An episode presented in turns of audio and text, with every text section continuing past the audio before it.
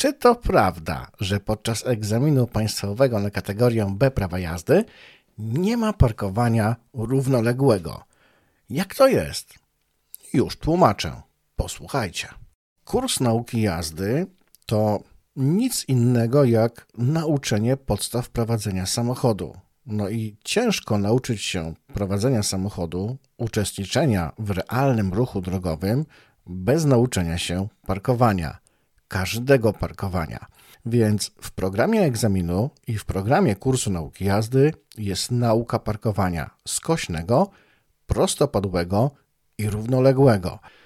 Z tym, że parkowanie skośne i prostopadłe wykonujemy przodem, czyli wjeżdżamy przodem i wyjeżdżamy tyłem, natomiast parkowanie równoległe wykonujemy tyłem, wjazd tyłem, wyjazd przodem. Ale skąd się wzięło przekonanie, że na egzaminie państwowym nie ma parkowania równoległego? To bardzo proste. Ciężko w ruchu miejskim znaleźć miejsce odpowiednie do wykonania parkowania równoległego. Po prostu.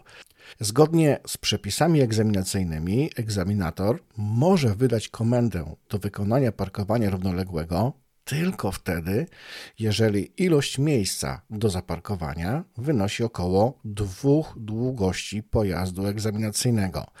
To bardzo dużo, ale jednocześnie bardzo trudno takie miejsce znaleźć. Najczęściej miejsca jest za mało. Stąd utarło się, że podczas egzaminu państwowego nie ma parkowania równoległego. Ono się zdarza, niezwykle rzadko, ale jednak się zdarza. I jeszcze jedna bardzo ważna rzecz. Ciężko jest iść na egzamin z przekonaniem, że czegoś się jeszcze nie potrafi, czegoś się nie umie.